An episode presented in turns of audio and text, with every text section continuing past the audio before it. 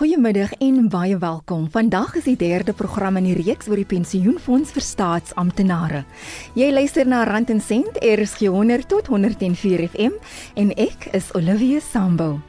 Die program word met trots aangebied deur SAIK Opvoedkunde in samewerking met die Pensioenfonds vir Staatsamptenare. SAIK Opvoedkunde vir ryk denke, vir ryk lewens. Die dood kom op die mees onvoorspelbare tye en dit kan 'n finansiële terugslag wees, maar die pensioenfonds vir staatsamptenare maak wel voorsiening vir die dag wanneer 'n lid sterf.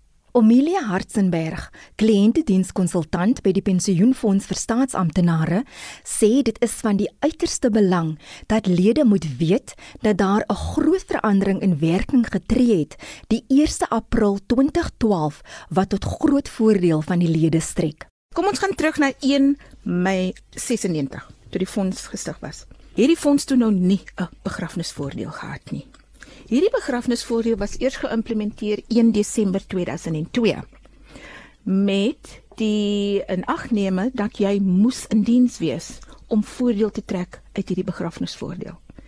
Maar nou het jy 'n groep pensionarisse wat al reeds afgetree het by 1 Desember 2002 en hulle was nie in diens nie. So dit was net basies die indienslede wat voordeel getrek het uit hierdie voordeel uit. Wat doen jy in Suid-Afrika as jy nie gelukkig is oor iets nie? Toi toi. En dit is presies wat ons die pensionarisse gedoen het. Ons wetgewing is toe aangepas 1/24/12 wat nou toe hierdie pensionarisse insluit wat al reeds afgetree het by die implementeringsdatum. So hierdie is van kardinale belang dat my mense daar buite dit moet weet. Want oumas en oupas en tannies gaan dood en die familie besef nie daar is 'n voordeel by die GEPF nie. Om vir die voordeel in aanmerking te kom, moes lede egter steeds gelewe het op die 1 April 2012 toe die wetgewing in werking getree het. Een iets nog wat die lede moet weet is dat hierdie voordeel het nie 'n uh, vervaldatum nie. So as my ma of 'n tannie of 'n lid, 'n pensionaris afgetree het in 1990. Die persoon was nog lewendig 1/4/2012 En hierdie oom of tannie het toe nou die 1 Januarie 2015 afgesterf. Kwalifiseer so 'n persoon vir 'n begrafnisvoordeel. So as die familie nie destyds aansoek gedoen het daarvoor nie, mag hulle nog steeds vandag aansoek doen vir die voordeel. Want ek weet baie van die polisse sê jy moet binne 3 maande, jy moet binne 6 maande aansoek doen vir die voordeel in orde om gebruik te maak van hierdie voordeel. Ons begrafnisvoordeel verval nie. Wie doen aansoek vir dit? Want dit is ook nog 'n tamaletjie waarmee jy te doen kan hê. Weet jy wat? Nommer 1 gaan dit wees die gade, 'n spouse. Jou man of jou vrou kan aansoek doen. As 'n persoon getroud is, jou doodsertifikaat wys jy's getroud, dan kan geen ander party aansoek doen nie. Ek is getroud met Kevin Hartzenberg. By tye van dood, dis nou Omelia se dood. Ek maak my sommer self dood is alright. vir hierdie uh, voorbeeld. Ek is nou toe nou dood en ek moet begrawe word. Maar my man is in so 'n toestand, nê? Nee? Man het mos nou die liefde van sy lewe verloor. Presies. En hy is nie in 'n toestand om enige papierwerk te doen nie. En my sussie sê nou sy gaan alles doen vir hom. So die aansoekvorm word dan voltooi deur my sussie. Die vorm maak voorsiening dat 'n broer of 'n suster ook kan aansoek doen. Maar in hierdie geval gaan ons stelsel hierdie eis verwerp om te sê, maar Omilia was getroud soos op datum van dood. Slegs die gade kan aansoek doen daarvoor. Tweede persoon wat kwalifiseer is ouers, kinders ouer as 18, broer of suster en dan legal guardian of a child. So as 'n minderjarige kinders is en en daar is 'n wettige voog alreeds aangedui, mag jy wettige voog aansoek doen. Maar dan natuurlik gaan ons die papierwerk nodig hê. Ons is administrateur vir alles wat jy sê. Yes. As jy sê jy's 'n sussie, dan het ons 'n affidavit nodig. En onthou 'n affidavit is 'n bindende dokument. Ja. Is 'n is 'n wettige dokument. Dan gaan die dokument sê ek is vir jou na 'n uh, kloete. Ek is die sussie van die oorledene Omelia Hartzenberg en ek was verantwoordelik vir die onkoste. So ons wil weet wat die verwantskap is in orde om die wetgewing te soort van te satisfy.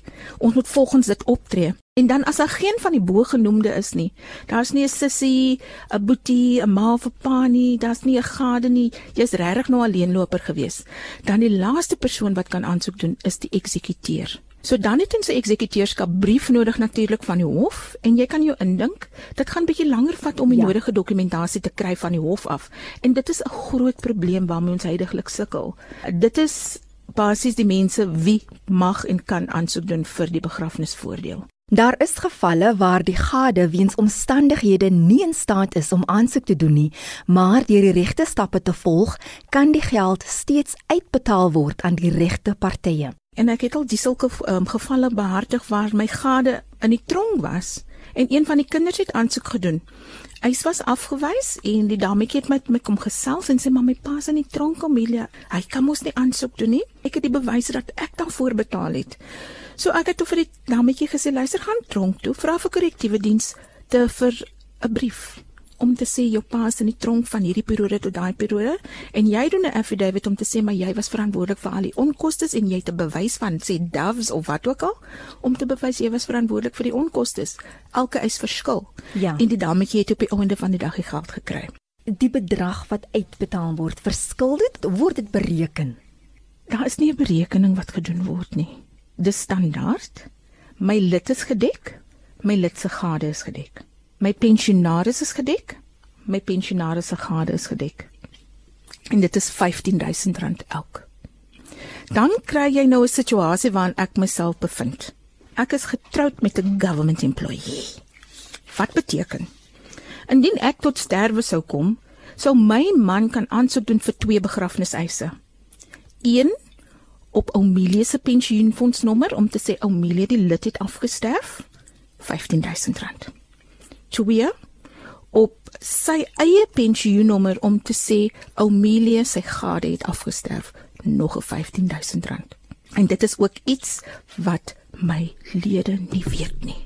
Kinders word ook gedek. Hulle praat van eligible children, kinders wat geregtig is op hierdie voordeel. Dit is eie kinders, wettiglik aangenome kinders tussen die ouderdom van 0 en 18 en dan tussen die ouderdom van 18 en 22, maar die sulke kinders moet dan voltydse studente wees. OK? Dan kry jy jou laaste kategorie, gestremde kinders.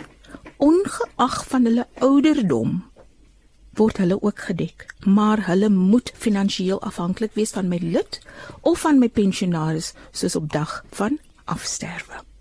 Volgens die reëls van die fonds moet die eis binne 72 uur uitbetaal word. Maar ek gaan by sê maar dit gebeur baie baie min. Omrede hierdie dokumente as dit nie deur sê 'n walk-in center ingehandig word nie en dit word direk na ons hoofkantoor toe gestuur. Dis altyd onvolledig of daar's dokumentasie uitstaande. Wat beteken ons het vandag die dokument gekry maar ons kan eers volgende week uitbetaal nadat die lid of die applikant 'n brief of 'n SMS van ons afgekry het. So ons beveel gewoonlik maar aan werk deur ons instapdienssentrums want hulle gaan 'n dokument deurgaan blokkie vir blokkie om seker te maak as ons hom in die stelsel laai, hy onmiddellik uitbetaal kan word. Maak gebruik van ons instapdienssentrums asseblief. En so gesels Omelia Hartzenberg, kliëntedienskonsultant by die Pensioenfonds vir Staatsamptenare in die Wes-Kaap. En jy luister na Rand en Sent, RSG 100 tot 104 FM. Stuur 'n e-pos na randencent.rsg@gmail.com. Jy kan ook 'n teks of stemboodskap stuur op WhatsApp by 076 536 6961. Skakel ook aanlyn by www.rsg.co.za waar jy ook die program kan aflaai deur die potgooi skakel te volg. Luister ook saam op die DStv kanaal 813 en volg ons ook op Twitter, Facebook en YouTube. Rikus Nel, finansiële adviseur by PSG Wealth, glo daar is heelwat positiewe veranderinge wat reeds plaasgevind het, maar dit gaan verlore onder 'n berg van negatiewe nuus. Um, in my vertolking dink ek volg president Cyril Ramaphosa die regte kom ons sê roete van herstel in die sin dat hy is eers besig om die onderskeie instansies binne in Suid-Afrika wat 'n spesifieke funksie het. Daai funksies is oor, jy weet, dekades geïdentifiseer.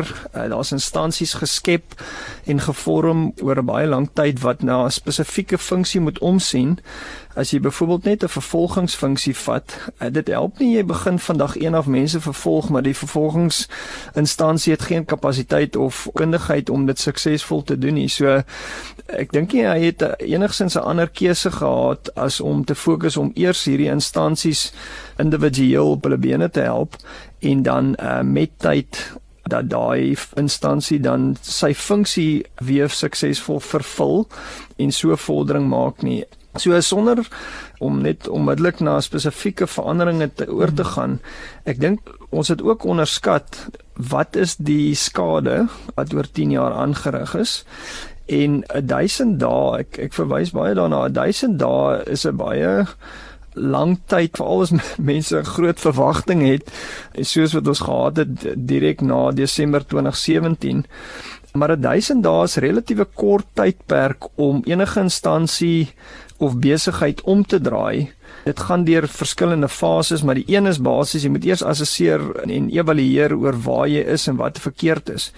Dan moet jy 'n plan gaan bymekaar sit om te sê maar hoe gaan ons hierdie probleme oplos en uitsorteer en dan moet jy begin met daai plan implementasie.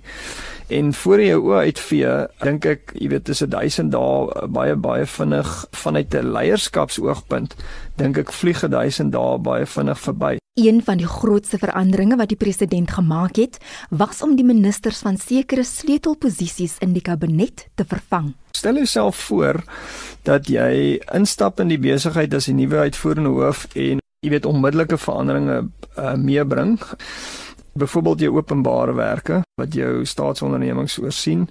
Ons kyk na jou minerale en hulpbronne energie wat onmiddellik verander is. Jou minister van polisie wat verander is en jou minister van finansies, maar daar's nog 4 afs in totaal in my kop is omtrent 8 veranderinge waarvan ten minste die wat ek nou genoem genoem het spesifieke probleme was. As jy na jou staatsbeheerde liggame kyk, is basies uh meeste van hierdie die direksie of die uitvoerende hoof is vervang. Daar's verskeie veranderinge op jou munisipale en provinsiale uh, kantoorvlak is gedoen. Jou publieke beleggingskorporasie se se bestuur is vervang. SARS is jy weet tot 'n groot mate weer aan die herstel met integriteit en en ek wou amper sê met jou kompetensies as ek dit nou so kan stel. As 'n ou gaan kyk na jou instansies waarna ek verwys het vroeër wat regtig maar jou misdaad komponent van die land in plek moet hou, kyk jy na jou jou hoof van die polisie wat vervang is, jou uh, nasionale vervolgingsgesag, jou uh, staatsveiligheidsagentskapshoofde, jou spesiale kommersiële misdaadshoofde, jou hoofde van die valke, jou misdaadintelligensie, al hierdie instansies is holrig gery oor 'n oor 'n bestek van 10 jaar en hulle kon net eenvoudig nie uh, doen wat hulle wou nie en moes nie. So daai goeders moet eers weer opgebou word en en ek dink ons is goed op pad met dit. Beleggers reg oor die wêreld soek sekerheid rondom beleid. Uh, die maklikste om dit miskien te verduidelik is om te sê maar jy weet enige ekonomie is tot 'n groot mate sirkulêre ekonomie van geld wat 'n sekere omsetsnelheid het en van hande verwissel.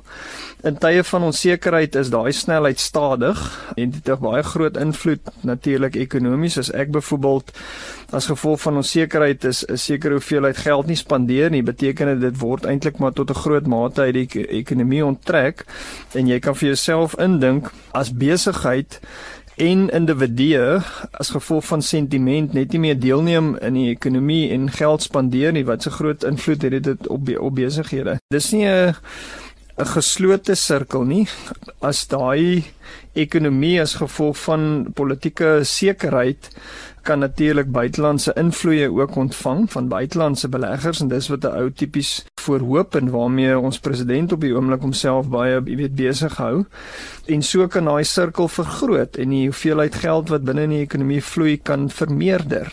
So dit is 'n baie baie groot invloed politieke beleid in terme van die sekerheid wat dit skep en of dit of kapitaal aantrek of dan nou uh, jy weet wegstoot. Jou politiek en jou ekonomie is verweef in mekaar.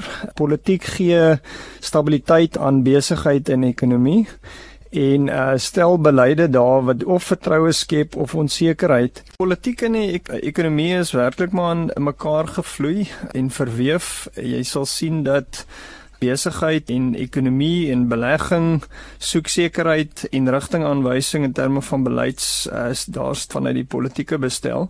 En ongelukkig as daar uh, onsekerheid is met van hierdie beleide, is belegging en en besigheid geneig om op die kantlyn te sit en nie te investeer nie en eers rigtingaanwysing uh, voor te wag. So dit dit is absoluut verweef en politiek speel 'n sleutel komponent binne in daai in enige ekonomie eh, om dit so op te som. Die een kant wat ons moet besef en wat ons realisties oor moet wees, is hoeveel tyd dit gaan neem om te gaan herbou dit wat afgebreek het. Dit wat ons nou van hoor is nie iets wat laas week of laas jaar gebeur het nie soos jy dit regtelik uitwys is iets dis 'n proses van 'n 10 jaar fase waardeur Suid-Afrika gaan en ek dis ons hou tot 'n groot mate 'n spieël op vir onsself as Suid-Afrikaners uh, kyk vir hulle self in die spieël en ons kan nie glo wat se etiese dwaling ons letterlik deurgegaan het oor die laaste 10 jaar nie. En dis nie net die publieke sektor, dis in die privaat sektor ook en en baie van van dit is ook aan die privaat sektor van die buiteland. So ek dink daar's ook 'n bietjie van 'n refleksie wat nodig is, maar die kort en die lank is, jy weet, ek dink wat vir my besonder positief is en ek bedoel ons het dit nie eers op die verandering want dit is nie 'n verandering dis amper 'n konstante wat vir my besonder positief is is dat hierdie goeders uitkom in Suid-Afrika. Met ander woorde jou media moet ehm um, ongelooflike krediet kry vir vir die mm. werk wat hulle doen. In ander lande is die goeders miskien bietjie minder prominent maar jy, jy moet nie vir 'n oomblik glo dis afwesig nie punt 1 en tweedens uh, die media word nie noodwendig toegelaat om dit te openbaar nie. 'n ander deel wat ons ook so half van vergeet is is hoeveel toetse ons regsbank oor die laaste 10 jaar deurstaan het. En ek bedoel dit wat ons sien op die oomblik is hoe die regsbank terugkom en letterlik met elke verkeerde waarbe sê saak of waarteen ons onsself regtig teen verset re uitkom en die regte uitsprake maak en en jy weet dit na 'n 10 jaar van afbreek of of poging van afbreek van daai weer eens van daai uh, pilaar binne in ons samelewing. Is regtig merkwaardig. En dit was Rikus Nel van PSG Wealth. Vir meer inligting oor die pensioenfonds vir staatsamptenare, kan jy na enige van hulle instapsentrums gaan in enige van die 9 provinsies of jy kan hulle gaan besoek by een van die 7 satellietkantore. Jy kan ook die tolvrye nommer skakel by 0800 117 669 of jy kan 'n e-pos stuur na inquiries@gepf.co.za. Dan kan jy ook hulle webtuiste besoek by www.gepf.co.za www.rsg.za of jy kan die fonds kontak op Twitter. Ek groet tot volgende week hier op Rand en Sent, RSG 100 tot 104 FM. Totsiens van my Olivia Sambo.